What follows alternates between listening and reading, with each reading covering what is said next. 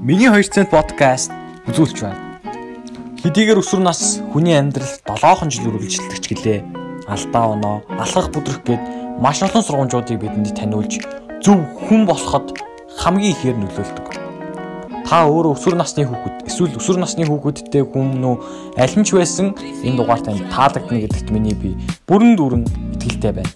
Ингээд цоо шинхэн дугаараа тухлан сууж таалан сонсоорой. Сайн байцгаана сонсогчдоо. Миний 2 цент подкастын маань цоо шинхэн дугаар эхэлж байна. Өнөөдөр манай зочноор Skeleton podcast-ийн хамтран хөтлөгч Америк нэгдсэн улсын Миннесотагийн их сургуульд улс төр судлаар мастер хамгаалж байгаа цогт дэлгүүн дээр ах маань оролцож байна. За сайн байна уу бэлгүүнээ хаа? Урилгыг маань хүлээж авч оролцож байгаад баярлалаа. За сайн байна уу? Энэ өдрийн мэндийг хүргэе. Навагс а миний 2 цент подкаст орж оролцуулж байгаад маш их баярлалаа. Нэр нь бол үнэхээр Сак нэртэй. Тэгээ чинь үнэхээр гоё бас яриулахад бэлэн болгоод энэ цаанаасаа тэгээд айгуу догтлолтой байна баярлаа. За таны хүүхэд нас чинь бага нас чинь ямар хүн өнгөрсөн бэ ер нь? Бус чиг л жирийн нэг хүүхэд байсан уу? Дээрээс нь давсвар насандаа вебсайт хөтэлдэг байсан гэсэн. Тэгээ энэ талаараа сонсогчд маань ярьж болох уу? Хм. Тий, за өсвөр насаа хэрвээ яг тэр вебсайт хөтэлдэг байсан гэдэг түүхээр дамжуулаад харах юм бол аа За шууд л нэг үнэндээ ийм юм бодогдож байна. Ер нь боломжийн дажгүй айлд өссөн л болж таарад байгаа юм л да. Яагаад тэгэхээр чи түрүүн хэллээ намайг Америкт улс улс төрийн чиглэлээр суралцдаг гэх тээ. Тэгэнгүүт улс төрийн чиглэлээр суралцсангууд өнгөрсөн түүх, амьдарч исэн газар бүх юмнуудаа дахиж нэг харах хэрэг бол гардаг. Яагаад тэгэхээр би өнөөдөр ямар зүйлийн бүтээгдэхүүн үр дүн болцоход а өнөөдөр бас энд байгаа юм бэ гэдгээ хүн бодох шаардлагатай болдго юм байл л дээ. Тэгээ бодонгууд бол одоо гэр орооллын хүүхдүүдтэй харьцуулахад ч гэдэг юм уу те харьцангуй боломжийн а гэхдээ бас нөгөө нэг Монголд нөгөө талдаа хитрхи бас туйлдсан одоо туйлаа хүртлээ баяжсан бас хүмүүс байгаа дээ. А тэрнэрээс бол бас нэлээд зайтай. Ерөнхийдөө бол нэг дундаж яг дундаж орлоготой тийм айл төссөн. А гэхдээ бид миний хүүхэд насны хамгийн надад том нөлөө үзүүлсэн зүйл нь юу байсан бэ гэхээр манай өвөөгийн номын сан байсан баг. Ерөнхийдөө бол манай өвөөгөөр дамжуулаад ээжээр дамжуулаад нэлээд номын хүм гэр бүл байсан те. Дандаа ном гэрт байдаг, дандаа номын сан байдаг. Тэгэхээр ер нь бол ном номыг харж айгүй хүссэн болохоор ямар ч номтой эрдэмтэй хүн болох хэрэгтэй байна гэдэг нэг тийм орчинд өссөн юм шиг байгаа. А тэгэнгүүтээ ном гэдэг бол ертөнцийг харах цонх гэж хүмүүс надад жоохон бах зөндөө хэлдэг байсантай адилхан би бол гэхдээ ертөнцийг илүү интернетээр олж харахтаа илүү дуртай байсан. Тэр чигтаараа ер нь бол багасаа нэлээд вебсайт хийдэг. Ер нь 13 байна уу 12 байна уу? Нэлээд багасаа л ерөнхийдөө янз бүрийн нөгөө HTML, CSS гэл янз бүрийн хэлүүдийг ер нь өөрөө би дааж сурах байдлуудаар нэлээд сураад тэгээд и залуус гэдэг вебсайтыг хамгийн сүүлд хийж байгаа л тэр вебсайтаараа хамгийн их амжилтыг олж исэн. Тэгэл тэр вебсайтаа нэг 16 нас мастагаас хойш ерөнхийдөө бол үргэлжлүүлэхэ болсон. Тэгээд яа ер нь нэг тиймэрхүү л товчоор хэлвэл нэг тиймэрхүү хүүхд нас өнгөрсөн болов. Таны өсвөр наснда хийж үзээгүүдээ харамсч явдаг зүйлүүд байдаг уу? Хм. Би чиний подкастын интрог өглөө сонссон байхгүй юу. Тэгээд чи надад надад одоо сонсогч нартай ингэж хэлсэн байсан те. Өсвөр нас гэдэг нэг 7 жил үргэлжлэх хугацаа гэдэг. Энэ яг хэдээс хэдэн нас гэдэг юм бол 12-оос 19 жил гэж үздэг юм бэлээ. Окей. За тэгвэл би яг тэр үед яг энэ тэр үеийг бодож байгаад энэ асуултыг хариулвал арай зүв бах. А гэхдээ нөгөө миний харж байгаагаар одоо эргээ харангуут үе гэдэг бол нэлээд бас удаан үргэлжилсэн юм шиг санагддаг байхгүй. Тэгэхээр зөвхөн миний туршлага байж магадгүй. Зарим хүмүүст илүү эрт өсвөр наснд дуусчдаг ч юм уу те. Яг би илүү юу талаас нь харж байгаа байх. Илүү нөгөө нийгмийн нөлөө болон эдийн засгийн нөлөө хүмүүст яаж нөлөөлдөг тэр талаас нь хараад гэж бодож байгаа. Гэхдээ яг 19 насаа ч юм уу 18 настай үеэ ирэхэд бодонгууд зүгээр л айгу цагийг зугаатай өнгөрүүлэх гэх юм уу. Тийм зүйлүүд дээр их арай жоохон хойрог хандсан ч гэдэг юм уу. Эсвэл нэг сайн сонголтуудаа мэддггүй байсан ч гэдэг юм уу. Тиймэрхүү юмуд бол байдаг. Тэгээд яг одоо би амьдралынхаа айгүй сонирхолтой үед байгаа гэж өөрийгөө боддог. Ерөнхийдөө бол яа тэгэхээр айгүй олон шинэ хобби, яаж одоо хөгжилтэй байх, яаж цагийг зугаатай өнгөрүүлэх те. Тийм арга замуудыг бол одоо илүү их тэгэж таашааж хийдэг тэр нь янз бүрийн зүйлийг илүү бас мэрэгжлийн төвшөнд судалж сонирхдаг ч юм аа. Гэхдээ магадгүй 10 жилдээ өсөр насндаа яг нэг зүйлийг барьж аваа тэрийг өнөхөр хобби болгоод удаан бас явсан бол гоё ээжтэй гэсэн юмуд бол их байдаг. Тэгээ ялангуяа нөгөө Америкт сурангууд Америк хүүхдүүд чинь айгүй хоббитэй. Тэгээ ингээл тим юмны дугуулan одоо бүжгийн бүжигчин байна, дуучин байна, хөгжимчин байна ингээл 10 жилдээ янз бүрийн тийм урлагийн аюустай олчдаг. Эсвэл улс төрийн янз бүрийн одоо мэтгэлзэн ч гэдэг юм уу те. Тиймэрхүү юмнуудад амар сонирхолтой олчдаг. Model United Nations гэдэг нэг жишээ байж болох юм улс төр талаас нарах юм бол тэгээ тиймэрхүү зүйлээр сонирхолтой болцдог ч гэх юм бол ингээд чиглэл чиглэлээр багаас нэг сонирхлыг хөгжүүлээ явцсан нь Зүгээр яг нэг Америкт ирээд нэг хэдэн жил болж явах үед бол жоохон атаарх сэтгэл бол төрж исэн. Тэгээд тэгвэл тэндийн нөлөө гол нь айгүй өндөр байдаг юм шиг байгаа юм л да яг боловсролын талаас нь харахад ч гэсэн.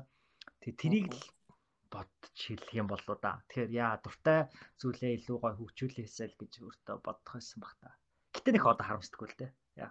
Аа. 10 жилийн өмнөх бэлгүүнээ одоогийн бэлгүүний хоёр бол хоёр өөр хүн шиг ялгаатай байгаа шүү дээ, тий манай подкастын манд уламжлалт асуулт баггүй юу? Аа та өөрийнхөө 15 настайгаа уулзах боломж олдох юм бол яг юу гэж хэлэх байсан бэ? Яа. Бас шууд шууд өнгөрснөрөө аялдаг подкаст шүү дээ. За би яг сайн өмнө нь бодож байгаагүй болохоор хэлэхэд хэцүү юм байна. Гэтэ яг 15 нас гэд бодонгууд чинь хэддгээр анги юм бай.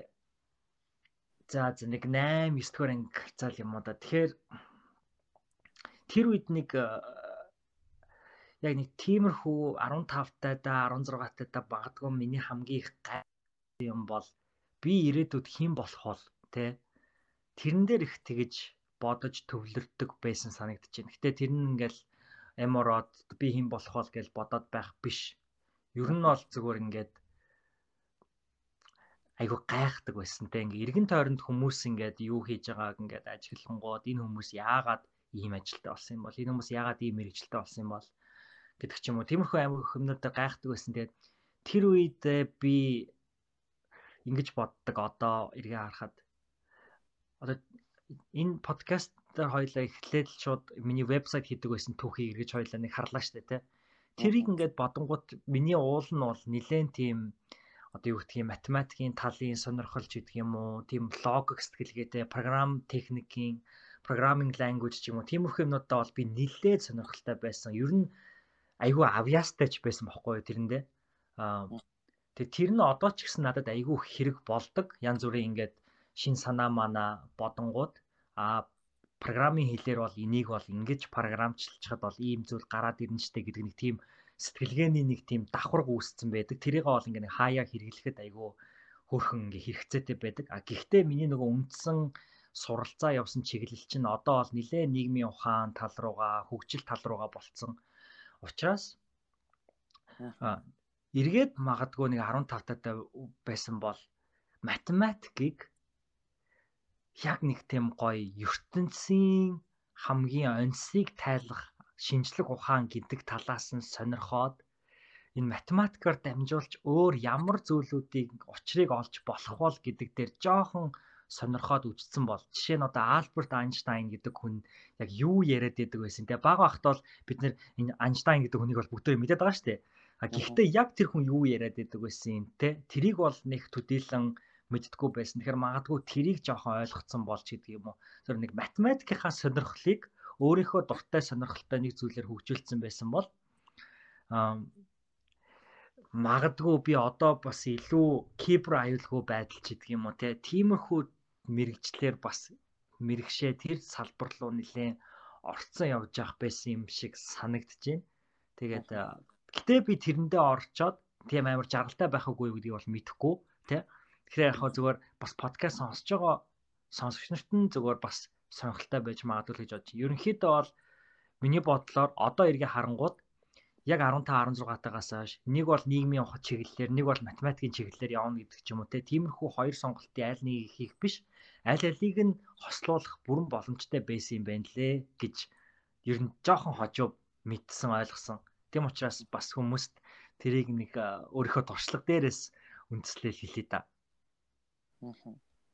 Одоо та 15 настайд эдэдтэй айгуу тийм жоохон санаа зовнилтай байдаг гэсэн шүү дээ тий.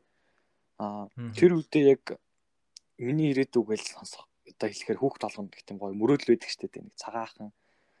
Яг тэр одоо хүүхэд насандаа хүсч мөрөөддөг байсан зүйл чинь яг юу байсан бэ? Одоо л тэр мөрөөдөлтөөгөө одоо яг одоо л тэр мөрөөдлөө одоо авч явдаг мөрөөддөг үү? Тамаа сонсогчтой бас мөрөөдлөө олцож болох уу?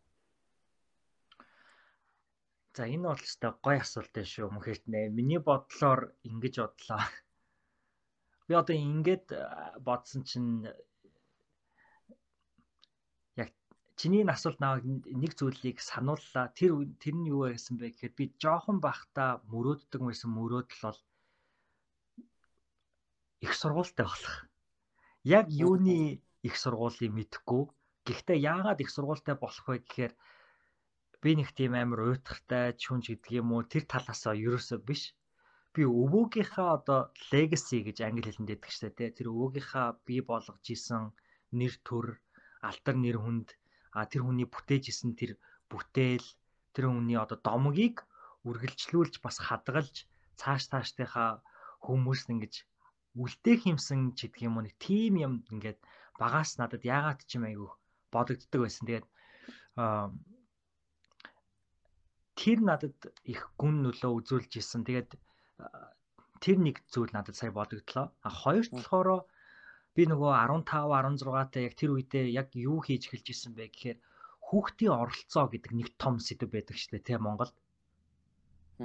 Тэгээ яг энэ хүүхдийн оролцоо гэдэг зүйлийг би нилээн ойлгодоггүй байжгаад нэг 10 жилийнхаа 10 11 дугаар ангиас ер нь бол нилээн идэвхтэй яг хүүхдийн оролцоо гэдэг чиглэлээр 10 жилдээ ингэж оролцож эхэлж ирсэн. Тэгэхээр хүүхдийн оролцоо гингүүд улаан загалмайд явах ч гэдэг юм уу.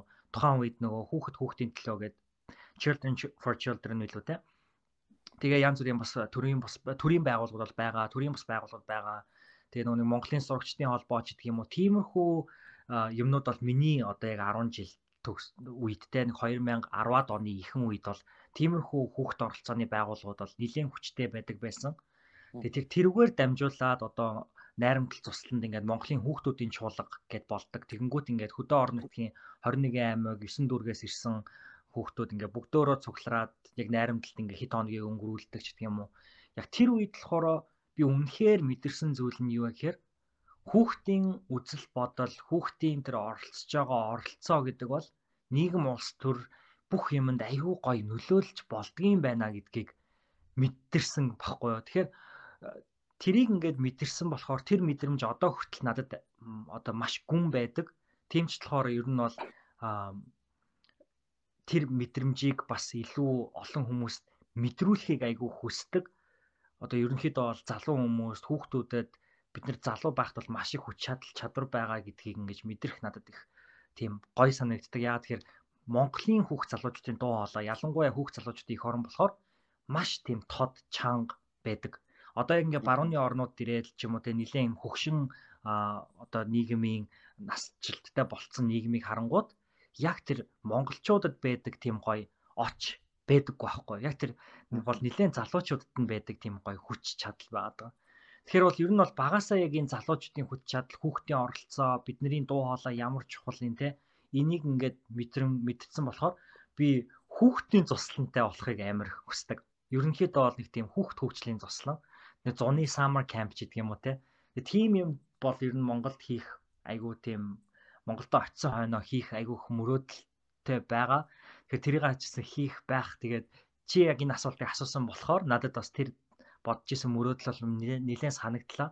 Тэгэхээр бол миний мөрөөдөл бол тэгэл нэг тийм хүүхд төвчлийн туслан байгуулах, цаашлаад их сургууль байгуулах. Тэгэхээр их сургууль байгуулах гэхээр би цаавал ингээд хүмүүс очиод суралцдаг их сургууль гэхээсээ илүү магадгүй зөвхөн магистрийн оюутнууд байдаг ч гэдэг юм уу эсвэл маш цөөхөн бакалаврын оюутнууд байдаг ч гэдэг юм уу яг нэг ийм хамт олон шинжлэх ухаанч байдлаар өөрсдөө мэдлэгээ дээшлүүлэхээс гадна тэр их сургууль институт нь өөрсдөө шинэ knowledge creating буюу шинэ одоо мэдлэг боловсролыг үйлдвэрлэж идэг тийм институт байхыг хүсдэг. Тэгэхээр бол заавал одоо барууны их сургуулиудыг дуурайч гэдэг юм уу, хятадынхыг дуурайч гэдэг юм уу, ямар нэгэн юмыг дуурайхаас илүүтэйгээр магадгүй Монголын онцлогтой ч гэдэг юм уу те эсвэл тухайн одоо сургуульд маань сурж байгаа хүмүүсийн чадвар мэдлэгийн онцлогтой тийм институт байгуулгыг өгсөн. Тэгэхээр заавал их сургууль гэж бодхоос илүүтэйгээр ямар нэгэн тийм бодлого гардаг. Гэхдээ тэр бодлогыг гаргахтаа хамтдаа хилэлцэж, хамтдаа бүтээдэг тийм зүйл байхыг аяг. Яг тэгэхээр би бол тэр мөрөөдлөөс бол ер нь хазаагаагүй. А багада яг тийм мөрөөдлөө мэдэрсэн ч гэх юм уу, ер нь жоохон гадарлаа л байдаг байсан ч гэх юм уу те. Тэр чиглэлээр л барай явж исэн болохоор бол нэг хазаагаагүй гэж боддог. Тэгээ дундуур нь яг янз бүрийн одоо мэрэгжил сонголт, янз бүрийн тиймнүүд бол байсан л байх. Гэхдээ ямар ч мэрэгжилтэй болсон бай, ямар ч туршлагатай болсон бай, эцсийн эцэст энэ бүх байгаа зүйлүүд маань миний нөгөө эцсийн мөрөөдөл рүү чиглүүлж байх тэр залуурд хүүргийг бол би ер нь алдагдуулахдаггүй гэх юм уу? Ер нь бол тэрийг нэг алдагдуулахгүй байхыг бол хүсдэг, тэгэж оролддог. Яа, тэгэж л хариулах юм уу? Асуултаасаа нэлээд хальчуу гэхдээ яа, тэгэж л бодож байна. За, одоо ойлоо таны нөгөө тэтгэлэг хүссэн талаар нь жоохон нэлээ гэж бодож байна. Миннесотагийн их сургууль тэнцсэн, тэтгэлэг авч чадсан гэсэн үгийг анх сонсоод тэр үеийн гаргасан хариу үйлдэл чинь сэтгэл хөдлөлч юу ямар байсан бэ? За энэ асуултанд хариулахад амар хэцүү. Би чамд бүр яг үннээ л хэлхий сонсогч нарт тоо. Аа би бол Америкт ирээд одоо 8 дахь жилдээ болох гэж байгаа байхгүй. 2021 оны 8 сард яг 8 жил болно. Тэгэхээр одоо бол нэг 7 гаруй жил болцсон байна. Тэгэхээр энэ хугацаанд бол би нэг 4 гаруй жил нь бакалаврын сургалтандаа суугаад 1 жилд нь ажиллаад 2 жилд нь магистрийнхаа программыг хамгаалчихж байгаа. Аа за тэгэхээр хоёлаа чиний яг энэ асуулж байгаа асуултыг хоёр хэсэг хуваачвал зүгээр үү? Бакалавр болон магистраа ярьчвал. Окей.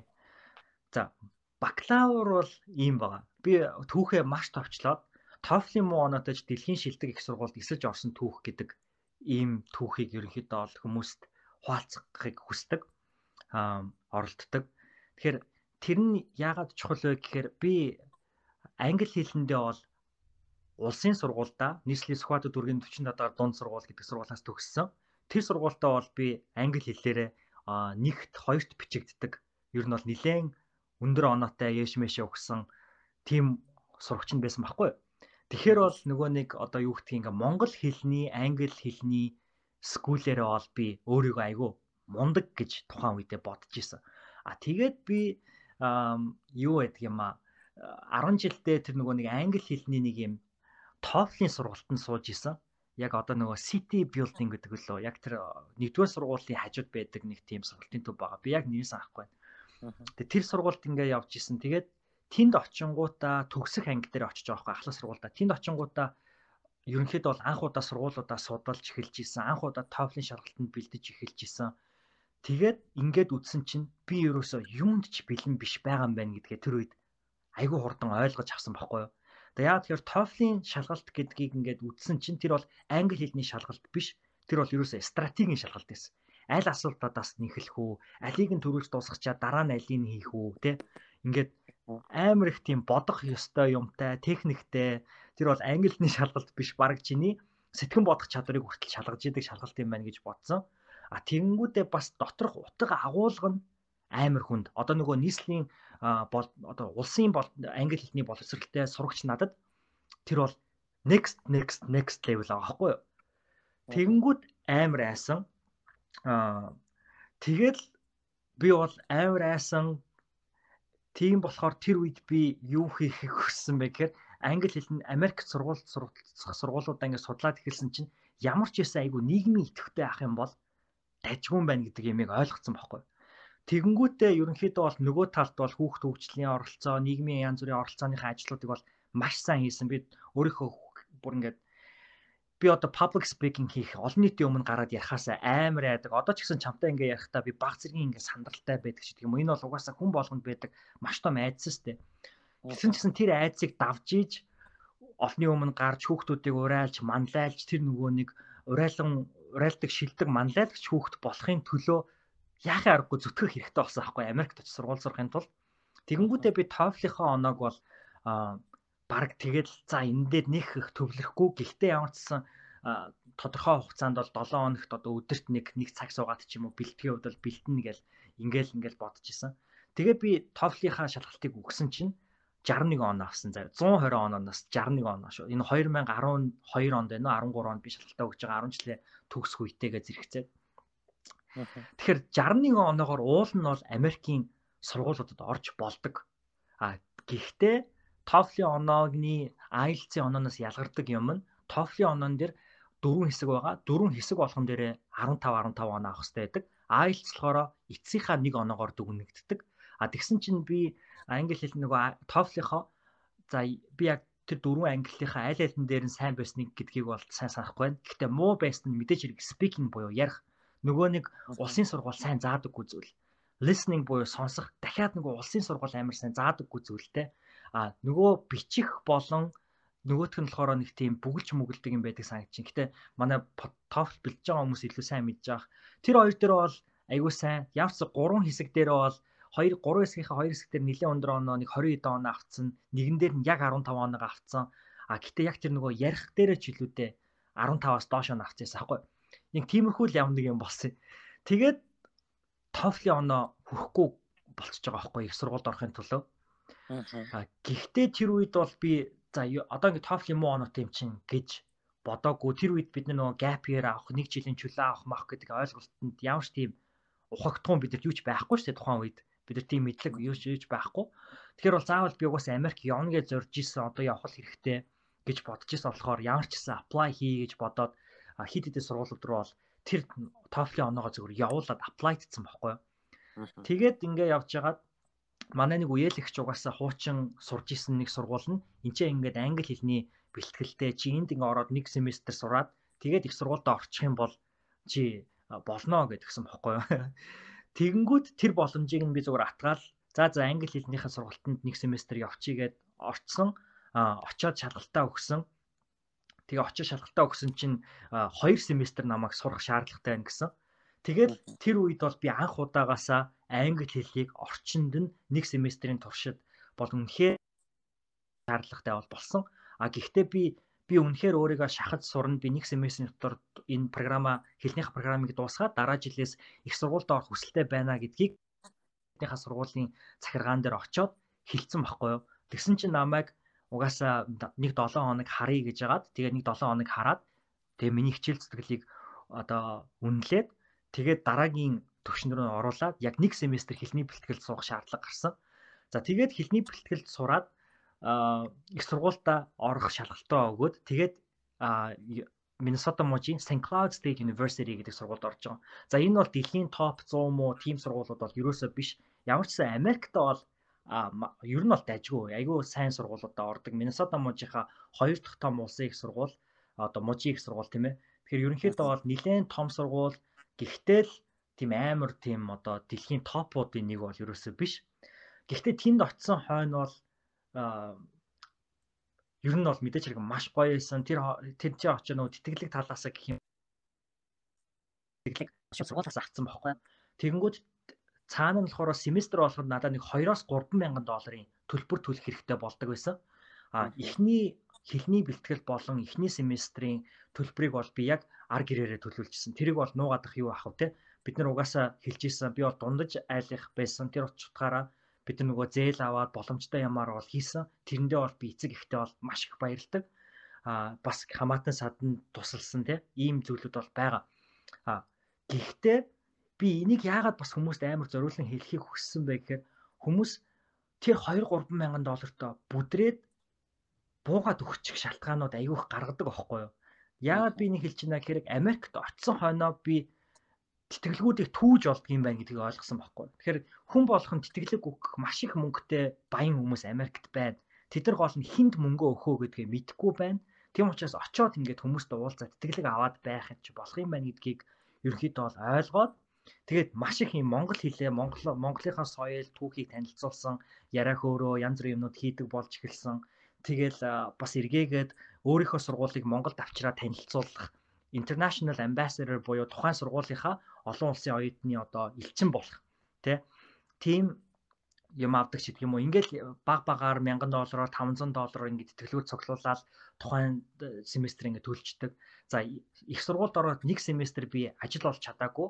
Хоёр дахь семестртээ би оюутны байр цэвэрлдэг ажлаас эхлээд дараа нь янз бүрийн сандал ширээ үрдэг ажилтай болоод тэгээд тэндээсээ явж агаад мэдээлэл технологийнхаа тийм сургуулийнхаа IT департаментэд ороод тэнцэнэ ерөнхийдөө бол худалдааны консалтант болсон. Тэгээ аюу гай ажил хийж байгаа төгсөж исэн. Тэгээ худалдааны консалтант гэдэг нь тэр нөгөө албан ёсны Apple дэлгүүр ахгүй юу? Тэгэхээр яг ингээ Apple-ийн дэлгүүрт ажилладаг. Хамгийн түрүүнд цоо шин iPad гарангууд худалдаанд гарахаас өмнө манай дэлгүүр дээр хүрээд ирдэг. Тэрийг бид нар хамгийн түрүүнд сураад ингээ ойлгоод хүмүүст ингээ дараа нь ингээ зархад бэлэн болгодог. Тим ажил ингээд хийдэг болох хүртлээр дэвшижсэн. Тэгээ энийг бас яагаад хэлж байна гэхээр тэр нөгөө нэг 500 доллар үйлчлэгчдэг юм уу? Цаана нөгөө амжиргааны зардал гэж байгаа байрны мөнгө, интернетийн мөнгө, тогны мөнгө тийм юмнуудаа бол ингээд төлчих боломж бол бас гарч ирнэ. Аа би арай жоохон академик талдаа болохоор ерөнхийдөө бол яг оюутныхаа байран дээр л ажиллая сургуулаас гадуур хар ажил хийхгүй бай гэж өөртөө нэлээд зориг тавьдаг байсан. Тэр ч утгаараа би Америкт бол хар ажил би хийхээ хувьд бол хийж исэн. Гэхдээ хамгийн байж болох баг төвшөнд байрлахыг амар хичээдэг байсан. Өөртөө илүү цаг гаргахын төлөө. Аа яа тэгээд би 2016 он хүртэл тэр St. Cloud State University гэдэгт 2 жил олон улсын харилцаа гэдэг мэрэгчлэр сурж исэн. Энэ хооронд бас нөгөө мэдээлэл технологийнхаа чиглэлээр ч гэсэн суралцж бол үдсэн байгаа. Тэрийг магадгүй арай өөр үед ярих зүгээр ах. Тэгээд 2016 онд би аа 2 жил дуусгачих жаахгүй. Тэгэхээр Америкт 2 жилээ дуусгаад шилжих боломж ерөнхийдөө гарч ирдэг. Transfer хийх. Тэгэхээр transfer student буюу шилжих оюутан гэдэг юм байна. Тэгэхээр ихэнх сургуулиуд бол 2 жил сурж байгаа шилж гэж зөвлөдөг. Тэгэхээр ингээд дэлхийн том том сургуулиуд оролцож сурахаас өмнө янз бүрийн жижигхэн community college буюу семестрийн 1000 доллар, семестрийн 500 доллараар хүртэл хичээл заадаг сургуулиудад сурж агаад дэлхийн топуудаас төгссөн хүүхдүүд миний монгол найзууд донд энэ University of Minnesota дунд ч гэсэн байдаг. Тэрнтэй адилхан би бол арай нэг жоохон үнэтэй яг коллеж биш university яг их сургууль сурж агаад тэгээ 2 жилийн дараа шилжих боломжийг бол хайж эхэлсэн байхгүй. Тэгээд ямар сургуульд шилжих вэ гэдэг дээр бол бас сонголтууд гарч ирж исэн. Надад бол гой гой сургуулиудын санаанууд бол зөндөө байсан. Гэхдээ хизээч би бас бүр Ivy League-т н очиод сурчий гэж яагаад ч тэгж бодоогүй. А тэр нь гэхдээ хамгийн чухал нөлөө үзүүлж исэн зүйл нь юу вэ гэхээр би SAT гэдэг шалгалтыг хизээж өгөөгүй байхгүй. Яагаад тэгэхээр тэр үедээ нөгөө TOEFL бэлдээ явж байхдаа надад SAT шалгалт өгөх хэрэгтэй байна гэдгийг мэдчихсэн ч гэсэндээ бас SAT шаардахгүйгээр намайг сургуульд авдаг сургуулиуд байдığım байна гэж мэдсэн болохоор өөрийнхөө нөгөө ажлыг илүү хөнгөвчлөх гээд SAT албаар өгөөгүй. А тэгэнгүүт тухайн үед намайг transfer student болж байхад SAT шалгалтыг айгүй олон сургуулиуд шаардж исэн. А гэхдээ тэр шаардахгүй байсан сургуулиудын дунд бол University of Washington байсан, University of Minnesota байсан. Тэгээд өөр бас нэг Columbia University байсан санагдаж байна. Ямар ч тэр гур байсан. Тэгэл Миннесотада үлдмээр би бас айгүйх санагдаж исэн. Яг тэгэхээр би нөгөө нэг Twin Cities буюу ихэр хотууд гэдэг тэр том хоттой амьдарч үзээгүй дандаа нөгөө хөдөө амьдарч исэн. Тэгээ ингээд UFM-ийн кампус дээр ирээд би бүр дурлж исэн байхгүй юу? бүр гайхалтай. Энэ бол Америкийн топ 10 том тийм их сургуулийн байшингуудтай юм кампус ахгүй. Тэгээ амар том надад бүр үнэхээр гой санагдчихсэн. Тэгээ орчих юм бол бас олон улсын оюутнуудаа зориулан өгдөг тэтгэлэгтэй болж таарад. Тэгээ тэр тэтгэлгийг нь авчих юм бол маш их мөнгө бас хэмнэх гээд байсан болохоор миний миний сур төгс UFM бол бас том сонголт байж исэн. Тэгээ би 16 онд ямар ч applied гэж эхэлж ирсэн. Тэгээ нөгөө их сургуульд applied гэж хахад хоёр deadline байдаг. Early deadline, дараа нь яг үндсэн regular deadline. Тэгээ early deadline-аар нь амжаад бүртгүүлчих юм бол чиний бичиг баримтын үг үсэг бүрийг ерөнхийдөө бол тэр admissions committee чинь уншдаг байхгүй юу. Тэгэхээр одоо мөнх эрдэн гэдэг хүн яг юу хийж ирсэн, ямар ямар байгууллагад ажиллаж ирсэн энэ бүх юм чинь уншина. А дараа нь regular үед нь амжиж аплайдах юм бол чиний тэрийг чинь уншихгүй зөвхөн дүнгуудыг чинь хараад чиний нэг өөр одоо багшийн чинь бичсэн захиаг хараад те тэрийг чинь уншаал дүгндэг. Тэгэхээр бол би нэг ч юм алдахгүй тэр regular deadline-д нь багтаж өхийг бол өгөөл хүсэл тэгэл ерөнхийдөө сургуульд аплайдсан. Тэгсэн чи яг миний бодож ирснээр UFM надад 50% off тэтгэлэг өгсөн баггүй 50%-ийн дахиад тэтгэлэг өгсөн. Тэгээ Global Excellence Maroon Scholarship гэдэг. Тэгээ дахиад 50% үлдчихэж байгаа. За энэ дээр би нэг чухал юм хэлье мөнхөрдөө. Одоо Монголд амар бузраа юм болж байгаа шүү. Тэр нь юу гэхээр намайг 16 онд их сургуульд шилжиж сурч байхад дэлхийн топ 100 сургууль шилжиж байгаа хүүхдүүдэд орж байгаа хүүхдүүдэд суралцж байгаа хүүхдүүдэд засгийн газраас зээл өгдөг байсан. Энэ бол тэтгэлэг биш зээл. А тэр зээлд нь би apply хийсэн. Би тэр ярилцлагад нь ингээд орсон. Намар надаас бүр ингээд яг тийм боловсролын яамны 3 хүн суугаад тэгээд тэндээс нь гадар нөгөө зээлийнх нь өгдөг зээлийн сан гэж байдаг. Тэр сангийнх нь мэрэгчлэнээ суугаад ингээд айгүй тийм бас хүнд монгол хэл дээр а биш англи хэл дээр монголчуудтай ярилцлаганд ингээд бас орж исэн. Тэгээ би тэр зээлийн сангаас зээл авсан байхгүй. Тэгэхээр нөгөө тэтгэлгээрээ 50% төлүүлээд нөгөө 50% төлүүлье. Та нараас зээл авъя. Тэ? Тэгээд ийм тохиролцоонд хүрсэн байхгүй. Тэгээ 16 онд сонгуул болсон. Аа шин хүчин гарч ирсэн. Тэгээд тэр тэтгэлгийг зогсооцсон. Тэр зээлийг зогсооцсон. А тэгэнгүүтээ тэр тэтгэлгийг зогсоонгуудаа биднэрт болохоор тааны тэтгэлгийг бол үргэлжлүүлж өгнө гэж хэлсэн мөртлөө яг ингээ явж исэн чинь бидний тэтгэлгийг дундаас нь ингэж хомсолж эхэлсэн байхгүй. Тэгэл ингээд нэг семестр олонгууд 2000 долларын өртөө болчдөг. Дахиад нэг семестр олонгууд дахиад нэг 2000 өртөө болчдөг. Тэгээд ингээд нөгөө улс чинь мөнгөө төлдөггүй амар хэцүү байдалд бид нэрийг бол оруулж исэн. Тэгээд гуйжила очиж ингээд хэдэн хоног ээж маань очиод энэ нэг нэг семестр төр зур ингээд зээлээд өгчөөчтэй бид нар ингээ одоо болохгүй байна буцаага төлчих ингээл очоо гуйж исэн те. Би ч гэсэн энд Америкт байхдаа янз бүрийн дахиад нөгөө тэтгэлэг түүдэг юмнуудаа хэрглэж исэн 500 доллар 300 доллар 100 доллар ингээл янз бүрийн юмар ингээл цуглуулаад. Тэгэл ер нь бол нэгэн scholarship бас ингээл цуглуулахыг хичээгээл. Тэгэл ямар ч байсан ээжимийн хүсэлтийг бодож үзээд нэг семестр нэг 2000 доллар илүү зээлсэн ч юм уу те. Иймэрхүү юм бол байсан. А гэтэл зүгээр хамгийн муухай юм нь Одоо би хүмүүсийн нэрийг нь хэлээд яах вэ? Гэхдээ яг тэр ялсан намынх нь цай дараа нэрийнх нь хүүхдүүд бол тэр зовлонг бол мэдрээгүй. Бид нар бол 2 3 мянган доллар яг хуу цаана нилээд их мөнгөний төлөөд өгччихлаа гал яг сургалтын төлбөр гээд тэгэнгүүт сургалтын төлбөрийн цаана дахиад энэ сургууль чинь эрүүл мэндийн даатгал гэж аавна. А сургуулийн спорт танхим хэрэглэсний төлбөр гэж дахиад 200 300 доллар аавна.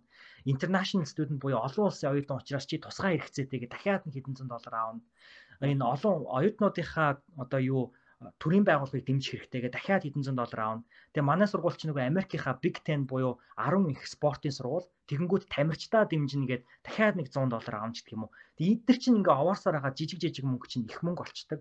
Тэгэхээр тэр том дарга нарын хүүхдүүд бол бүх юмаа төлөвлөж исэн. Бүр байрныхаа мөнгийг хүртэл төлөвлөж байгаа хгүй. Гэрэн дээр байдаггүй зүйл.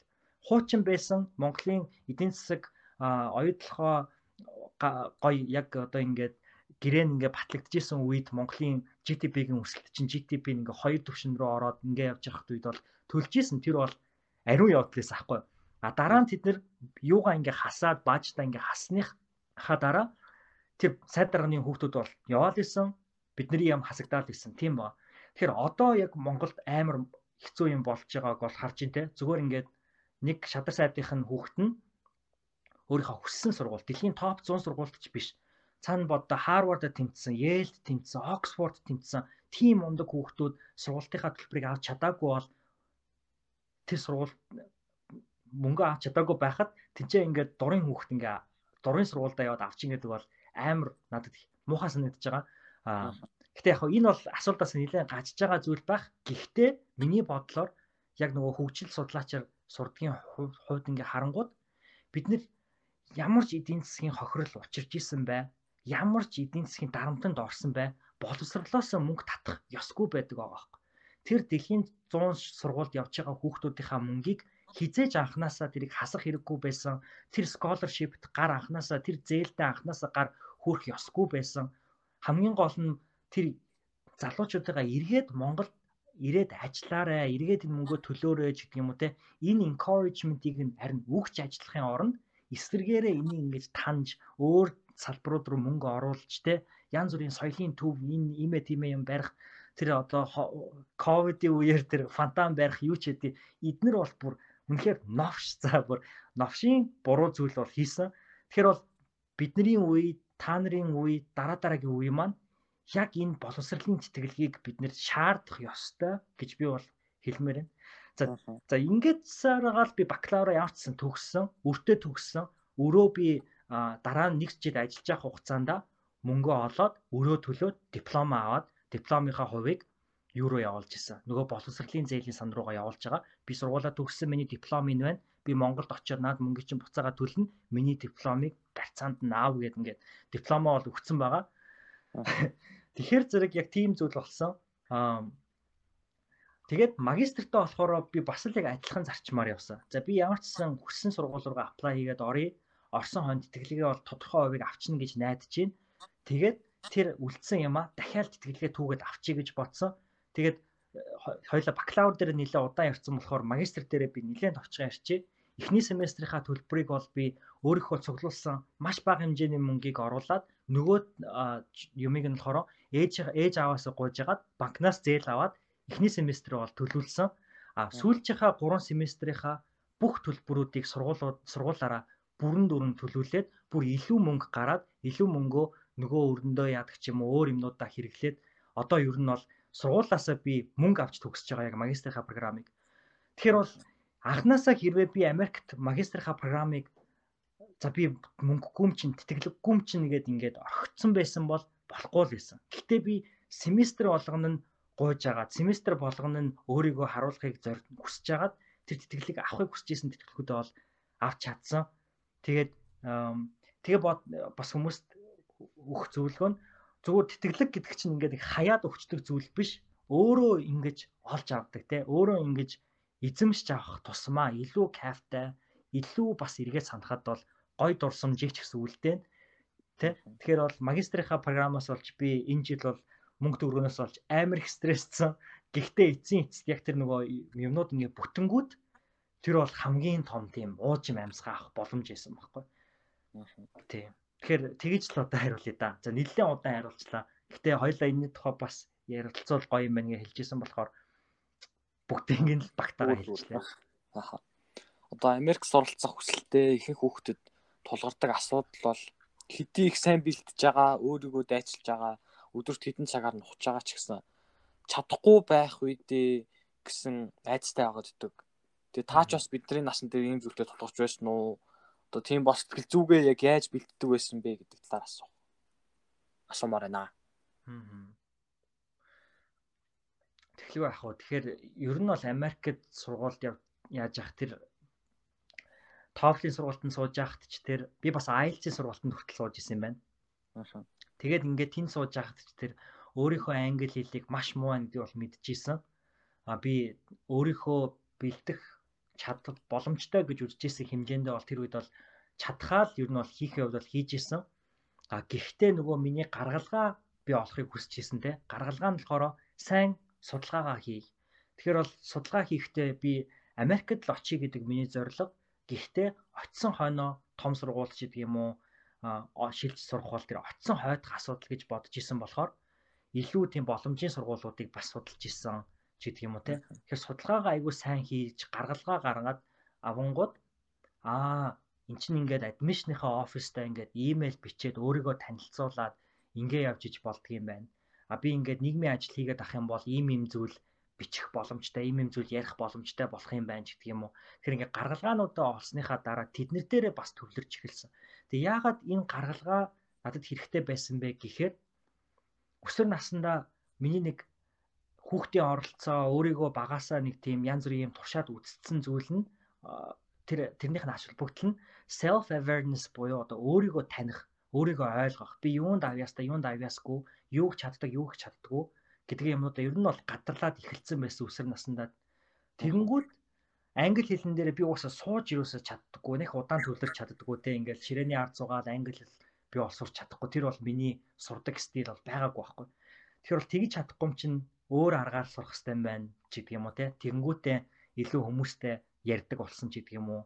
Тэгээ ингээд дараа нь ингээд англи хэлнийхаа сургалт моргалтанд сууж агаад хүмүүстэй ярьдаг болж агаад дараа нь Америк дээрээ сурж исэн чи яг нөгөө сургалтанда хамт сурж исэн тухайн үед хүүхдээс одоо залуу болцсон залуутайгаа таарж исэн нэг тийм үе юм уу байдаг те?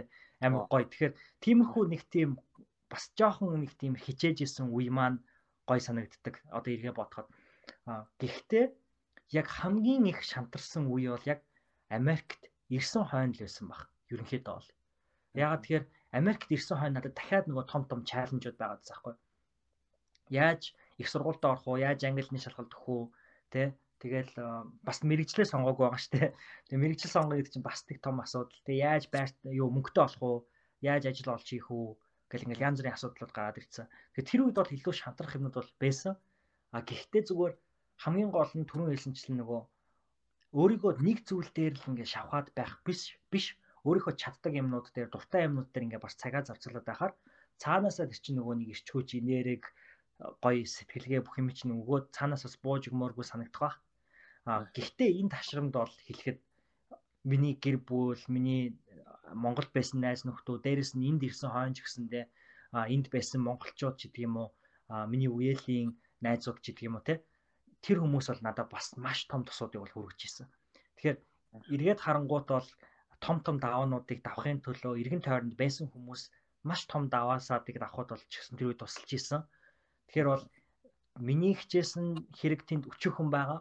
А тэгтээ бас нөгөө талд маш том ихтгэл найдвар намайг даах ар нуруу байсан болохоор өөртөө бас ихтгэлтэй байж чадсан болов гэж бодож байна. Аа одоо ила ари өөр нөгөө дадал зуршил таны подкастын талаар асуултууд асууч. Сая бол тэтгэлгийн асуултууд бол ингээд дуслаа. Окей. За хамгийн анх Сэхэтэн подкаста одоо Нямын 8 гэж анх хөвжсөн баг тий. Хийх сэтэл юунаас төвчсөн бэ? За би одоо яг энэ асуултанд бол яг өөрөө ингэж л хариулт явуулна. Би ингээд нэг тухайн үедээ өөрийнхөө амьдарч исэн амьдралыг баримтжуулж үлдээмээр санагдчихсэн юм шиг санагдаал те. Ямин 8 гэдэг чинь өөрөө блог байсан баггүй.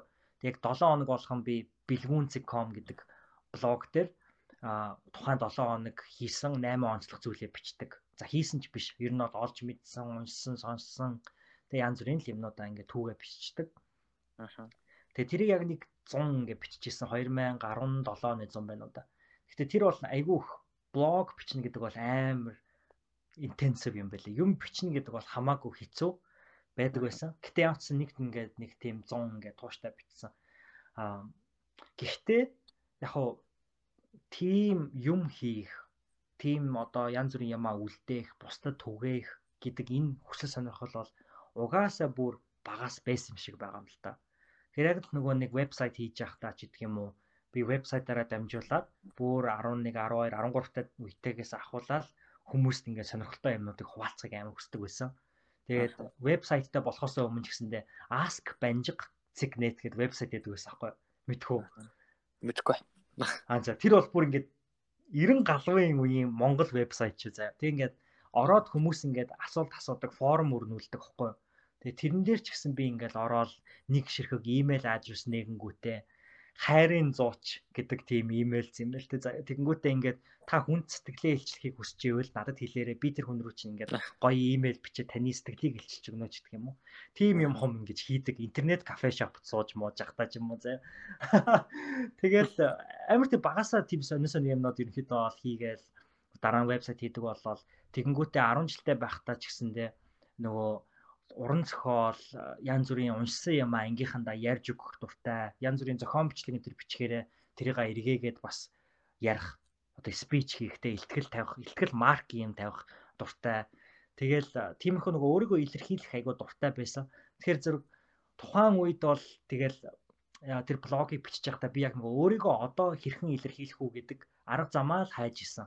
Тэгэл арга замаа хайж агаал бичдэг болоод завсарлага аваад бодож исэн чинь подкаст зүгээр юм шиг санагдаад бичсэнгүүтээ подкастер ярьж үзээл тэгсэн чинь ямар нь яага ярих гэж байгаа юм чинь бичээд байгаа юм бэ гэж бодонгуудаа зүгээр ярьж үзээл тэгэнгүүтээ ер нь би яриад ах юм бол амар өдөртэй байна гэд аа юу ягаал зочиураад аа Тэгэл явсан дөө. Тэгээд тэр дундуур нь видео бичлэг хийж үзсэн.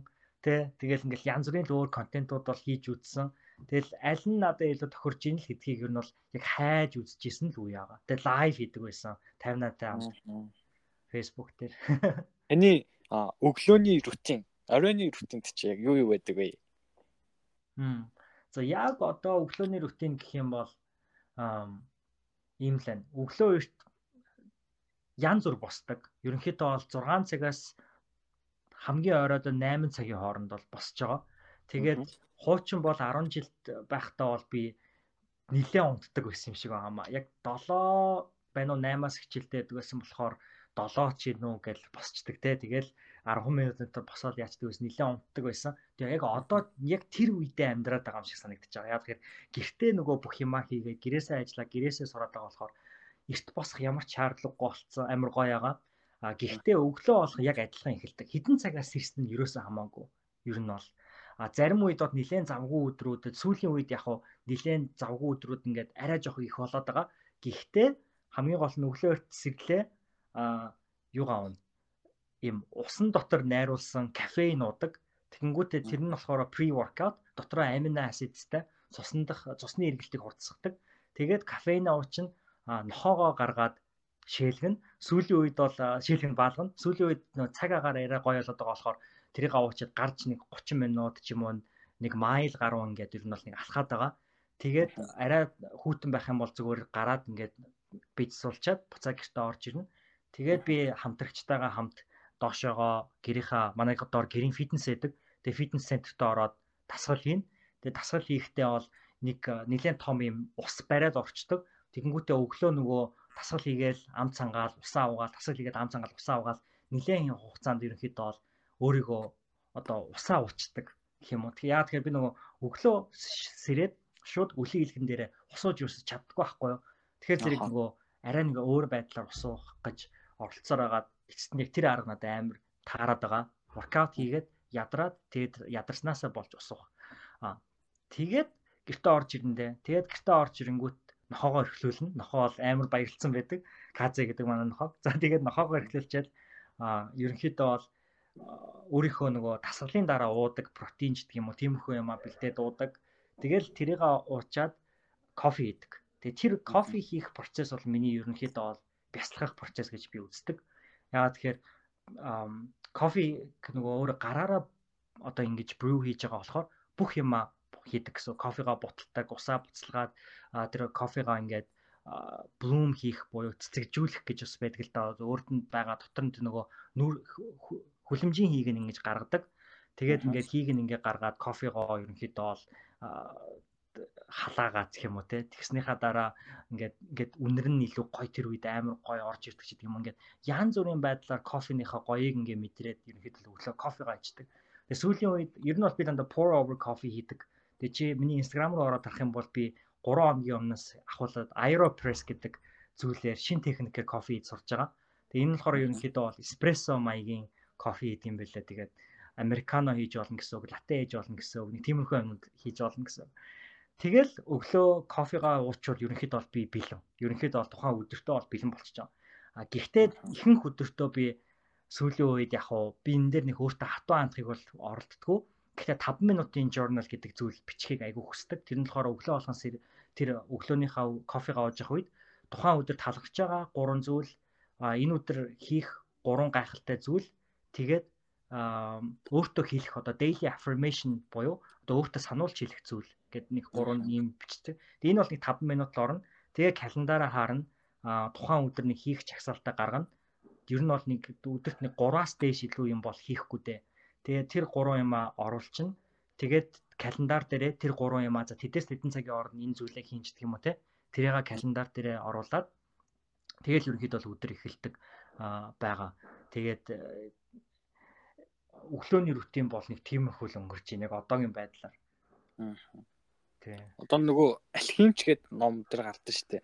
Яг хиний Сантьягог одоо нөгөө мөрөөдлөөсөө яжсэн чинь нэг хаан гарч ирдэ шүү дээ тий. Ингээд яриа өдөөд байдаг.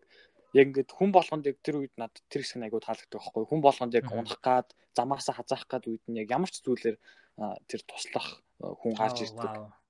Яг таны яг тэр хазаах гад байж сүү чинь гарч ирсэн хүн эсвэл ямар нэгэн тохиолдолд чинь тий одоо гарч ирсэн хүн яг юу гэж танд хэлчихсэн бэ тэг тэр үг чинь захиж хэлчихсэн үг байдаг уу? Яг тийм одоо таныг хазаах гэдэг гэсэн үг. Ер нь зөндөө байдаг бах шүү. Аа наача бол амар гой асуулт шүү. Би яг алхимчиг уншижсэн. Гэтэ яг тэгж юусэн наад яг чиний ярьсан хэсэгт бол тэгж анхаарал юусэн хандуулж байгаагүй юм байна. Тэгээ ингээд бодсон чинь тийм зүйл бол амар их болдог. Ер нь. Тэгээд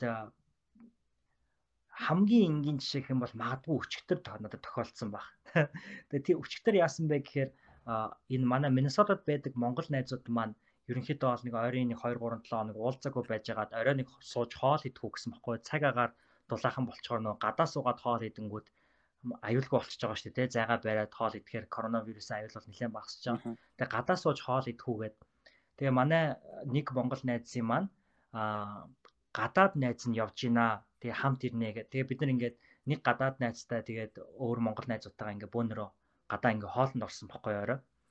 Тэгсэн чинь тэр хоолнд орсон гадаад найз маань болохоор за би нэрийн дуртад яг өөрийнх нь зөвшөөрлгүй ярьж байгаа юм чинь тэр гадаад найз маань болохоор Монголд ерөнхийдөө бол ажиллаж исэн. Монгол нэлээд хэдэн жил ажиллаж исэн гадаад хүн байгаа хгүй юу? Тэгээд бид нэр тэр хүнээс бол би ингээд би болон манай найзууд нэлээд олон ингээд Монголын тухай асуултууд асуугаал Монгол ийм байсан уу, Монгол тийм байсан уу гэл те. Тэр хүний туршлагыг сонсоод Монголоо санаад Монголоо ингээл одоо дурсаад те инээдтэй юмыг нь яриад уур хүргмээр зүйлийг нь яриад ингээл айгу гоё орой өнгөрүүлсэн баггүй. Тэгээд манай найз маань, шин найз маань өөрөө нилээн одоо итгэл бишрэлтэй ягаад тэгэхээр Монголд нөгөө бөөнөртэй яг бөөлж явахыг бол байж үзээгүй Монгол бөөнөрийг бол мэддэг болж исэн. Тэгээд угаасаа өөрөө Америкийн одоо урд Америк зүгийн хүн тэгэнгүүт урд Америк чинь нэлээд бас тийм сүнслэг сэтгэлгүйтэй сэтгэлгүйтэй тийм ээ. Тэгэнгүүт тэр талын сонирхол нь айгүй өндөр. Тэгээ ер нь хүний цаанаасаа зугаасаа тийм айгүй сүнслэг хүн байгаа байхгүй юу? Тэгээ тэр хүн яг тэгжэлсэн байхгүй. Бид нар ингээд яг утга учиртай байх ёстой цагтаа байдаг гэдэг. Тэгэнгүүт энэ 4 сарын 20-ны өдөр түрүү жилийн 2020 оны 4 сарын 5 сарын 25-ны өдөр Жорж Флойд гэдэг хар эрстэй хүнийг Дерек Чаун гэдэг цагаан эрстэй цагтаа амь насыг нь хороосон байгаа тийм хүмүүс маш сайн мэдж байгаа. Энэ үйл явдлын шүүх хурал сая 4 сарын 20-нд болсон байхгүй. Тэгээд тэр шүүх хурал нь болоод тэр цагаан цагтуг цагдааг гин буруутай гэдгийг тогтоогдсон Америк орн нь одоо маш аж жаргалтай байгаа. Ядаж сайн хүмүүс нь маш аж жаргалтай байгаа. Тэгэнгүүт тэр эмэгтэй яг энэ үед нь Миннесотад анх удаа одоо манай байгаа мужид анх удаа ирээд яг энэ шүүх хурал чинь бас яг манай мужид болж байгаа. Ягаад тэгэхээр энэ миний амьдарч байгаа хотод тэр хар эрстэй хүнийг алсан үйл явдал болсон байхгүй юу? Манай гэрээс маш ойрхон. Тэгэнгүүт энэ бүх зүйлийг ингээд би биеэрээ Америкийн түүхэнд энэ бол бүр бүр гайхалтай заяа. Би бүр ингээд Титаник дээр явж байгаа юм шиг мэдрэмж төрсөн 4 сарын 20-нд. Яг ингээд Америк гэдэг бол Титаник хөлс хөлөг онгоц те. Тэгээ ингээд усан уул ингээ мөрөх гээд ингээ амар төхөөд ирсэн. Хэрвээ тэр цагаан цагдаад гин буруугүй гэж зарлчих юм бол Америкийн ард иргэд босгод бэлэн байсан. Миний амьдарч байгаа хот зүгээр галд шатхад бэлэн байсан. Манай хотыг бол бүр ингээд Америкийн цэргүүд нь ингээд бүсэлсэн. Ерөнхийдөө бол цэргүүд ингээд бүгд бэлэн байдалтай амар ээж исэн. Америкийн бүхий л том том хотууд бол том том жагсаалууд аль хэдийн болоод эхэлсэн байсан хідэн шүн дарааллаад манай хотод жагсаал ойрын хотуудад том том жагсаалууд бас өөр хар ярьстай хүнийг алсан хэрэгээс бол болж исэн 13 настай хүүх хар ярьстай хүүхдийг бас нэг цагаан буудаад алдсан байгаа 3 сард болсон зүйлийг сая бид нэр 4 сард боди камера буюу тэр цагдаагийнхын бидээ зүүдэг камераас нь олж мэдээд тэгээ одоо Чикаго хотод маш том жагсаал болж байгаа. Америк бол ер нь бүр ингээд галын үзүүдээр ижсэн байхгүй. Тэгээд тэр эмхтэй ингээ ирээд энэ бүх зүйл чинь ингээ амьдралт чинь бид нар ингээд байх ёстой газартаа ингээд байж идэг уулзах ёстой хүмүүстэй ингээд уулзч идэг гэд ингээд хэлэнгүүд яг тэр үед яагаад би яг энэ Миннесота мужид энэ цаг үед байж таарва дээрэс нь яагаад энэ хүн бидний амьдралд яг энэ 4 сарын 22-ны гэдэг энэ өдөр дэлхийн баярын өдөр те Earth Day буюу энэ дэлхийн баяраар ингээд бид нар хүрээд ирвэ бодонгууд маш миний сонсхийг хүсэж исэн зүйлүүдийг надад биднэрт хэлсэн байхгүй юу? Надад болон миний хамтрагчд миний найз нарт тэгээ тэр нь юу байсан бэ гэхээр бид нар хамгийн гол нь амьдрал гэдэг чинь нэг тийм эцэс төгсгөлгүй тулаан биш ээ. Дараагийнхаа байрны мөнгийг яаж олох вэ? Дараа сарынхаа мөнгийг яаж олох вэ? Өрөө яаж төлөх вэ? Сургалтынхаа төлбөрийг яаж олох вэ? Яаж том сургуульд орох вэ? Тэ? Яаж ажилтаа болох вэ? Эднэрийг ингээл тиймэрхүү зүйлүүдэд ингээд хүн санаа зовоод явах юм бол өөрийгөө алддаг. Гэтэл амьдрал гэдэг чинь тэрнээс лүү баян өөрийгөө одоо яг чи алхим чидэг номыг уншиж байгаа чинь чиний spiritual journey байгаа штэ чи тэр номыг амьдралтаа унших хэвээр цаг үедээ уншаад энэ асуултыг надаас асуугаад өөр хүмүүсээс магадгүй энэ номыг сөхөж ярилцаад маш үнэтэй үнцэнтэй яриа хөөрөнүүднээс гарч байгаа эн чинь чиний аялал те. Өнөөдөр чи надаас энэ асуултыг асууснаар чи надад бас нэг өөрийгөө өөрийнхөө хүүхэд насны мөрөөдлийг эргэж санах тийм гоё орчныг чи надад бүрдүүлж өгч байна. Тэрнтэй адилхан бидний энэ замууд байнга ямар нэгэн утга учраас болж ингэж холбогддог гэдэгт бол би угаасаа итгэдэг. Тэгээд тийм зүйлүүд зөндөө болдгийнхаа нэг жишээг өчигдрийн хамгийн сүүлчийнхаа жишээн жишээн дээр дуртлаа да. Аа. Одоо хүн болгонд хамгийн сайн хөлбөр хамгийн муу хөлбөр гэж байдаг шүү дээ тий. Миний хувьд бол таныг өөрийнхөө хамгийн сайн хөлбөрөөр байгааг хүн гэж боддог. Өөрийнхөө замаар явж байгаа. Хэрвээ та хичээгээгүй, англи хэл тэр үед сураагүй, Америкт сураагүй, директтэй уулзраагүй, подкаст хийж эхлэегүй байсан бол одоо яг яаж амьдарч ирсэн болоо? Таны муу хөлбөр гэсэн үг. Аа. Наа чи ястай гоё асуулт байна. Яг чамайг ингээд асуунгууд нэг тийм эртний ведийн сургаал гэж яддаг байхгүй юу? Тэр нь болохоор одоо нилээн одоо энэ шашиннуудын баг үүсмэл одоо хамгийн үүссэн гол сургаалч гэж магадгүй гэж үздэг юм байлээ. Тэгээ тэрэн дээр нэг ярьдаг юм байдаг шүү дээ. Dharma гэдэг. Тэгээ Star Wars гэх кино байдаг шүү дээ. Олон ангитай.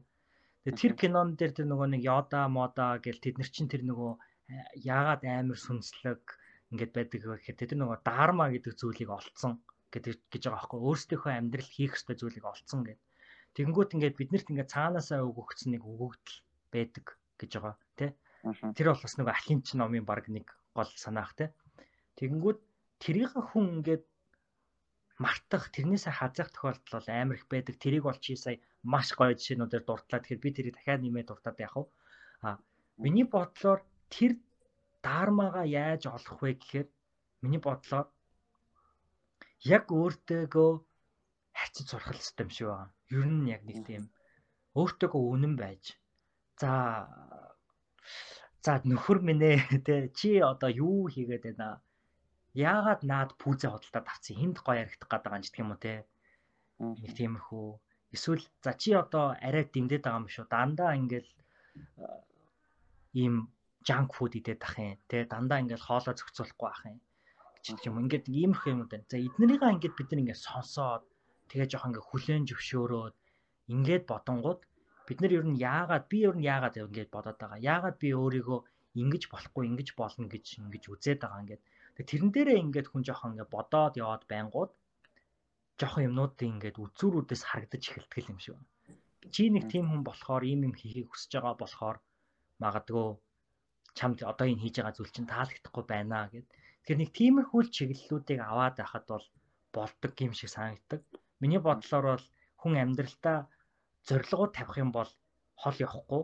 Яа тэгэхээр өнөөдөр э, би нэг амар гоё жишээс шүүсүүл нөгөө Atomic Habits гэдэг номын зохиолчийг яриаг сонсож байгаа сонссон байхгүй. Тэрэн дээр тэр хүн ингэж хэлжсэн. Олимпийн бүх тамирчид алтан медальтай болно гэдэг зорилго тавьдаг. Бүгдөө алтан медальтай болдоггүй. Яагаад вэ? Тэ? Тэгээд бодонгууд яагаад ингэнгүүд зарим нь амар сайн системтэй байсан л байгаа байхгүй. Тэгэхээр миний бодлоор бол надад техник тийм систем байдаг. Тэр систем нь би зүгээр амьдралдаа яг нэг ийм зүйл болно, яг нэг ийм хүн болно гэхээсээ илүүтэйгээр надад яг одоо миний өмнө юу байна? Миний өмнө надад юу зааж сурах гад байна? Надад яг одоо миний амьдралд ямар даваасаа тулгарч эндээс би юу олж авч болох уу? гэдгээ ингээд бодоод тэгэнгүүтээ за би хэрвээ энийг ингээд шийдчих юм бол надад ийм юм боломжууд үүсэх юм байна. А ингээд сонгочих юм бол ийм үт нөхцөл байдал үүсэх юм байна гэдгээ ингээд өөртөөгөө ярилцаад нэг жоохон ойлголцоод байх юм бол надад хэрэгтэй санагддаг. А тэрнээс шууд ингээд яг би заавал тэр сургуульд орно. Заавал би нэг ийм цалинтай болно гэд нэг тим юмдаас бүр ингээд гүжүүлээд байх юм бол тэр нөгөө эргэн тойрондоо байгаа асар олон боломжуудыг харахгүй ерөнхийдөө бол сохор сохоочч магадгүй гэж би амар хайдаг. Тэгээд тэрнээсээ жоохон айдаг, ерөнхийдөө бол өөрийгөө жоохон сонсох гэж хичээдэг маань жоохон тусалт юм болов Гэтэ энэ асуулт энэ хариултыг бол 100% над дээр найдах бүр ямар ч үндэслэхгүй шүү заяа. Цэвэр миний experience дээр аахгүй. Тэгэхээр мөн хэрдэн гэдэг хүний хувьд энэ подкастыг сонсож байгаа хүмүүсийн хувьд тэр өөрийгөө олж таних аялал явдал энэ бүхэн чинь өөр өөрсдийн гэсэн онцлогтой, өөр өөрсдийн гэсэн замтай байгаа. Тэгэхээр хамгийн гол нь зүйл анзаарах яг амьдралд чи иргэн тойронд чи юу болоод байна?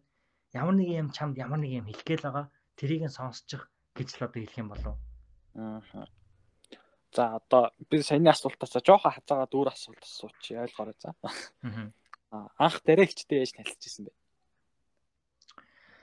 Аа, дараатай бит хоёр чинь багын бүр одоо байрны хүүхдүүд гэж яддаг штэ тий. Яг байрныхаа гадаа тоглолдог тийм найзууд байсан байхгүй юу. Тэгээд 2010 онд би дараад и залуус гэдэг вебсайт дээр сэтгэлдээ хэлчихэж исэн байдаг 6 дугаар сарын 29-ний өдөр.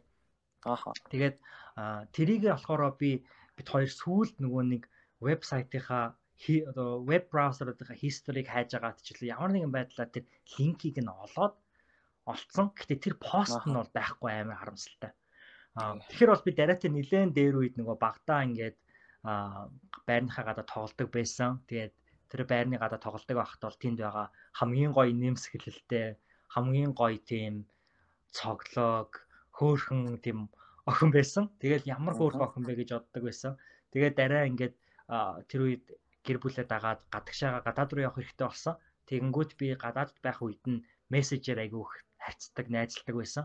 Тэгээ бит хоёр бол ер нь бол үерхий мүерхий гээл ингээл тоглож моглоол ерөнхийдөө бол тийм үерхчихсэн. Гэхдээ одоо иргээ харангуут зүгээр айгүй хөөрхөн найзууд л байсан байгаа байхгүй үерхэл гэдэг чинь арай жоохон ондоо зүйл ах л та. Гэхдээ тэр үед бол ямар ч хэсэн би бидээ сэтгэлээ илчлээд үзсэн. Тэгэл тэр үед ч нөгөө Justin Bieber Bieber-ийн дуу анх удаа нөгөө Baby Enter гээ гарч исэн байхгүй юу. Тэгээ яг тэр үед дараа бас тэр Justin Bieber-ыг амар их сонсдог. Тэгэл яг тэр үеийн дуу, тэр үеийн мэдрэмжүүдээр ерөнхийдөө бол дарааг төсөөлдөг. Тийм байлаа. Тэгэл анх ер нь бол тэгж луулчихсан да. Тэгээ яг сүүлд 16 онд маш олон жилийн дараа а 6 жилийн дараа гэх юм уу. Ерөнхийдөө бол яг мэдээж хэрэг уулзсан өмнө нь бит хоёр нэг сургууль дараа эргэж Монголдоо ирээд бит хоёр бүр нэг сургуульд хамтдаа явж исэн. Гэтэ тэр үедээ би ч найз хүнтэй байсан дараа найз залуутай байсан харамсалтай бит хоёрын хувь заяа бол холбогдоогүй. А гэхдээ 16 он тэр дахиж холбогдох хувь заяа нь бол гарч ирсэн. Тэр хувь заяа тэр бол яг нөгөө болох ёстой зүйл маш зөв цагтаа болсон л гэж би одоо боддог. Тийм лээ. Үерхэлтэй баримтлагдаг зарчим дүрм байдаг уу танд? Ямар дүрм байдаг вэ байдаг бол?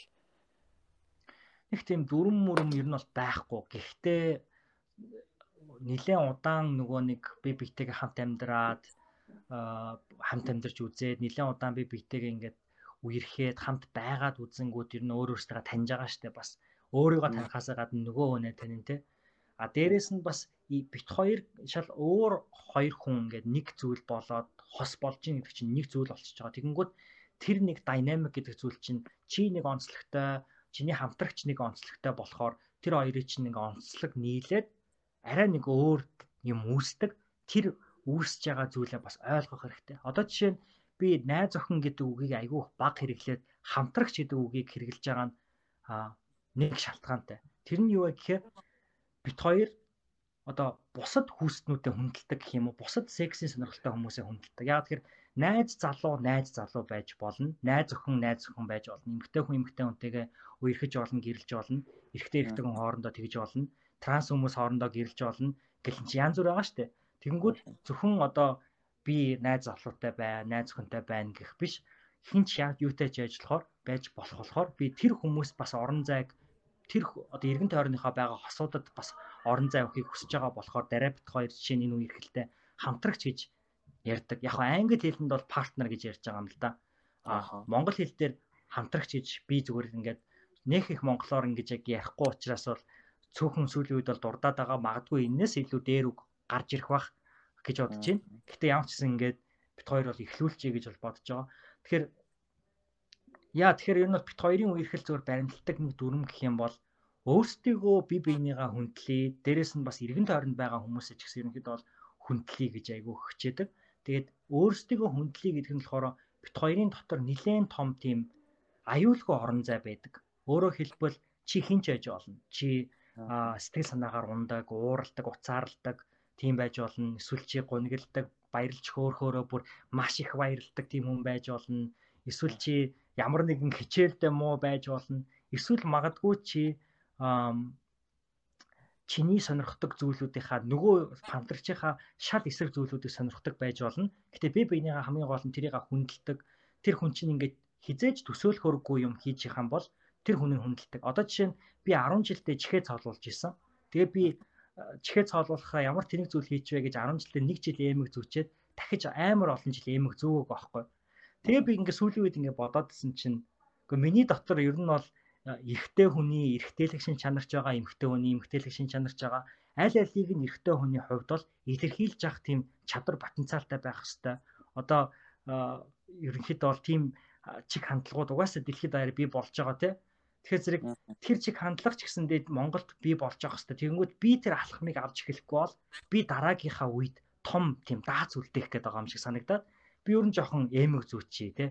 Ер нь ингээд өөрийгөө бас яаж өөрийнхөө зөвхөн эрэхтэй тал гэлтгүү өөрийнхөө арай жоохон эмэгтэйлэг феминин болон маскулин тал айл алийг нь илүү сайн гаргаж ирэх үү тий.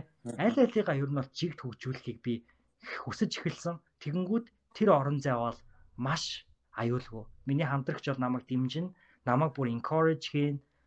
Тэгээ намайг магадгүй маргааш би за би ер нь палаж өмслөө те гэх юм бол намайг дэмжих бах. Нэх уурлах бах. Тий. Аа за. А сонсогчдод маань одоо үргэлж өөрийнхөө бодож явдаг ишлэл мэрэгүү үг гэдэг хүн байдаг шүү дээ тий. Одоо ингээд шантармаар үйдэг толгойд ороод ирдэг ч юм. Тийм үг хэлээч. Би яг хөө ингэж боддог болсон одоо би нэг юм хувь хүний хөгжил янз бүрийн иймэрхүү чиглэлийн ном, бүтээл, сургалт семинар, лекц, видео бүх юмыг бол нэг хэсэг бүр амар их ингээд бүр тариад тарьж байгаа юм шиг өөртөө тарьдаг байсан. Тарьж байгаа юм шиг хийдэг байсан бохоггүй. Тэр үед бол би маш их зүйлийг бол сурсан. А маш их зүйлийг бол ойлгосон. А гэхдээ одоо бол надад тэгэх ямар ч сонирхол бараг байхгүй болсон. Маш цөөхөн тохиолдолд өөрийнхөө бүтээмжийг нэг жоохон засах хэрэгтэй ч болдго юм уу? Иймэрхүү зүйлүүд бол тэр зүйлүүдийг сөхөж харах ч гэдэг юм уу? Сүүлийн үеийн шин судалгаа сонин зүйлийг сонирхох ч гэдэг юм уу? Тийм зүйлүүд бол мэдээж хэрэг байхад бол байна. Цаашдаа ч илүү буцаад нэмэгдэх бол үүсэхгүй. А гэхдээ одоо би илүү юунд итгэдэг болсон бэ гэхээр ямар ч байсан би өөрийнхөө хийхийг үнэхээр хүсэж байгаа зүйлүүдийг хийх юм бол надад өгөх ёстой зүйлүүд бол надад хангалттай байгаа. А тэр зүйлүүд байхгүй байх юм бол тэр байх арга гарцыг би ямар нэгэн байдлаар олноо гэж ерөнхийдөө бол итгэдэг болсон. Тэгэнгүүт миний хэлэх гээд байгаа үг нь юу вэ гэх юм бол би Америкт байхдаа ч гэсэндээ энэ газар нутаг дээр нь айгүй хоч залбирдаг. Одоо энэ Mississippi мөрөн гэдэг энэ Mississippi гэдэг ерөнхийдөө бол их гол гэсэн утгатай. Одоо уугуул индианчуудын утгаар бол Great River буюу том гол гэсэн утгатай ийм мөрөн байдаг. Хойд Америк TV хамгийн том мөрөн. Энийний их нь болохоор манай мужийн Итаска гэдэг нуураас их нь гараад энэ Америкийн нэгдсэн улсыг хүндлэн голд туулаад Gulf of Mexico буюу Мексикийн болонд очиж урсдаг байхгүй. Тэгэхээр эндээс онгоцон цугаад Америкийг бүтэн ингэж аялж болдог. Доошоогоо өмнөд зүг рүүгээ. Тий. Тэгэнгүүт энэ мөрөн бол амар том мөрөн. Тэгээ энэ мөрөн дээр очоод би одоо ч залбирдаг Америк дэрснээсээ ч хойш дандаа өөртөө хилдэг байсан зүйл нь мөн хөх тэнгэр байгаль дэлхийн минь хүү нэрөө Монгол овогт хишиг батын цогт бэлгүүн дээр намайг өршөөж ивэлдэ авч тэтгэж хайрлаа гэж хэлдэг байсан. Тэгээд би тэр голтойгоо яриад ингээд юмаа хэлээд би одоо ийм тэтгэлэг өөрчлөлт чинь те надад ийм асуудал байна. Би ийм ажлын ярилцлаганд орох гэж байна. Ингээд юмнуудаа хэлцдэг. А сүүлд ч гэсэндээ яг тэр магистрат тэтгэлгийг авахын өмнө би YouTube дээр тайлал гэдэг Монгол бөөнрийн YouTube үзэж хагаад очоод ерөнхийдөө бол нутаг усан дээр очоод энэ өвлийг үнтэй даавуулаад өгөөч гэдэг нэг будаа өргөөрэй гэдэг зөвлөгөө сонсонгуудаа би э, хамтрагчтайгаа нэг голын ирэг дээр очоод Минхаха гэдэг тэр одоо уугуул индиан иргэдийн амьдарч исэн тэр сайхан голын хөндөй дээр очоод юмаа өргөөд тэгээд яг л хэлсэн байхгүй те одоо би ингэж тэлгөөцөлдөж байгаа намайг хараарай хандаарай тэгээ энэ өвөл нэг үнтэй сайхан үйлч чимсэн гэж өөрийгөө захисан бүх зүйл баг 2 3 хоногийн дараагаас нь ахуулаад тэтгэлгийн маань хариунууд орж ирээд бүр нэг өдөр хоёр тэтгэлэг ар араасаа нэг цагийн зайтай орж ирсэн байхгүй. Маргааш нь шууд надаас миний зөвлөх багш залангуудаа хөөе надад нэг ажлын байрны боломж гараад ирлээ. Чи надад нэг судалгааны ажил энэ семестр хийгээд өгч чадах уу гэдэг. Тийм боломж гараад ирж байгаа байхгүй. Тэгэнгүүт дээрэс нь дахиад орлогын нэг нэмэлт их үүсвэртэй болчихж байгаа. Тэгэл ингээд бүх юм ингээд бутчихж байгаа байхгүй. Тэгээ би одоо ингээд бодонгууд Зүгээр л өвөг дээдстэй өвөг дээдс чинь чамайг харж хандж байгаа. Би өөрийнхөө социализмын гайгаар болоод өөрийнхөө 2 3 үе одоо 2 3 үеэ мэдчихсэндээ цаашаагаа мэдхгүй те. А гисэн ч хэдийж тэр хүмүүс бол миний нутаг ус аль зүгийнхээ тэрийг би мэдж байгаа. Би Монгол гэж ямар арт түмэн бидгийг мэдж байгаа. Монголчууд юуг шүтдгийг, юуг хайрладгийг, юуг дахиж шүтдгийг бол мэдж байгаа.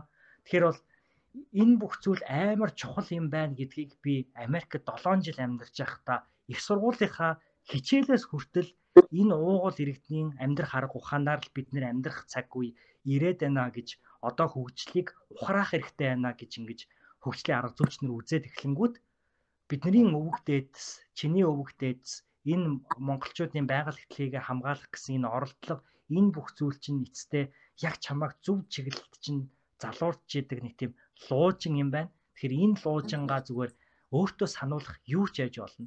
Гэрээдсаа биеэс гэрээ тэ бие гэрээдсаа төрөө зас гэдэг үг хүртэл цаанаа тийм яг л адилхан зүйлийг илэрхийлж байгаа байхгүй. Тэгэхээр зэрэг чамд тэр үг нь яаж буух нь чамд тэрийг яаж юу сануулах нь тэр бол чиний дурын эрэг минийх бол миний залбирал байдаг. Тийм л. Аа подкастэнд одоо нөгөө гарчиг өгөх гэдэг бас айгуу тийм хэцүү үзүүлээд шүү дээ. Аа гайхалтай хэцүү хамгийн хэцүү. Тэгээд гэтээ хэцүү ч гэсэн таны подкастуудыг ингээд үзэхээр айгуу гой гой гарчигтай сонирхолтой байдаг. Тэгээ эхнээсээ давхуулаад анх тийсдэг гарчиг байдаг те. Хоёулынгийнх нь энэ подкастыг та гарчигаа одоо нэг одоо тохирсон гарчиг өгөөч. Би бол яа. Чи бүр өөрийнхөө хамгийн подкаст чин хүний хамгийн хэцүү ажлыг надад өгчөж байгаа юм те. Яа, тэр бол айгүй хэцүү шүү. Гэтэ тэр чинь нөгөө амар олон зүйлүүд зэрэг зэрэг бодож байгаа шүү дээ. Одоо яаж хүнийг даруулах уу те яаж хүнийг сонсуулах уу дээрэс нь яаж энэ подкастынхаа утга санааг ойлгуулах уу дээрэс нь бас яаж зочноо хөндлөх үү гэдэг юм уу зөндөө олон юмнууд зэрэг бодох шаардлагатай болно тэгээд сүүлийн үе тийм ч подкастаа тогтмол хийхгүй байгаа болохоор гачиг өгөлтөн дээр жоохон одоо ер нь бол жоохон яарсан байгаа. Гэтэ одоо оролдоод үзье те.